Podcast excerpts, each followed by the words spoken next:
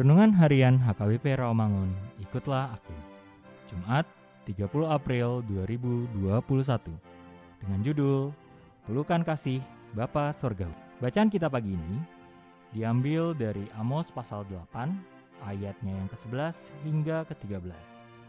Dan bacaan kita malam ini diambil dari Kisah Para Rasul 8 ayat 9 sampai 25. Dan kebenaran firman yang menjadi renungan kita hari ini diambil dari kitab Matius 18 ayatnya yang ke-14 yang berbunyi Demikian juga Bapamu yang di surga tidak menghendaki supaya seorang pun dari anak-anak ini hilang. Demikianlah firman Tuhan. Konon, ada dua hal yang dapat membuat hati seorang terluka, yaitu perasaan ditolak dan kehilangan. Luka itu menjadi semakin dalam dan perih ketika seseorang ditolak atau kehilangan orang yang dicintainya.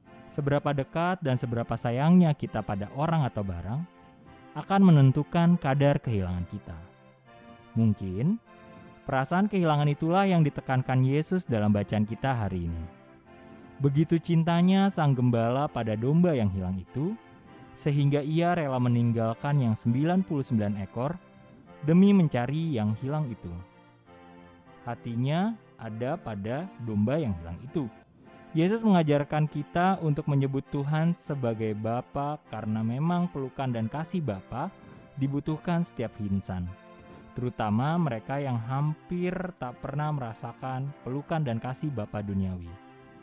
Percayalah, Tuhan sayang kepada kita dan hanya menginginkan kebaikan buat kita. Dia tahu kapan harus memberi, kapan harus menunda, dan kapan harus menolak. Semua itu demi kebaikan kita juga. Kita menyebut Tuhan sebagai Bapa karena memang pelukan dan kasih Bapa dibutuhkan setiap insan, terutama mereka yang hampir tak pernah merasakan pelukan dan kasih Bapa duniawi.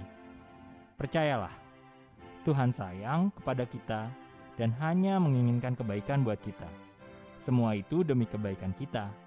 Maka jangan keraskan hati kita, manakala Tuhan mengajak kita kembali. Tuhan sangat mencintai setiap domba gembalaannya. Berusahalah menjadi domba-domba yang baik. Kasih Bapa di sorga begitu sempurna.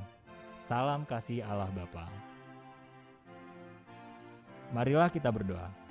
Ya Allah, Biarlah pelukan kasih-Mu membawa kami pada pengenalan bahwa Tuhan adalah Bapa yang Maha Kasih.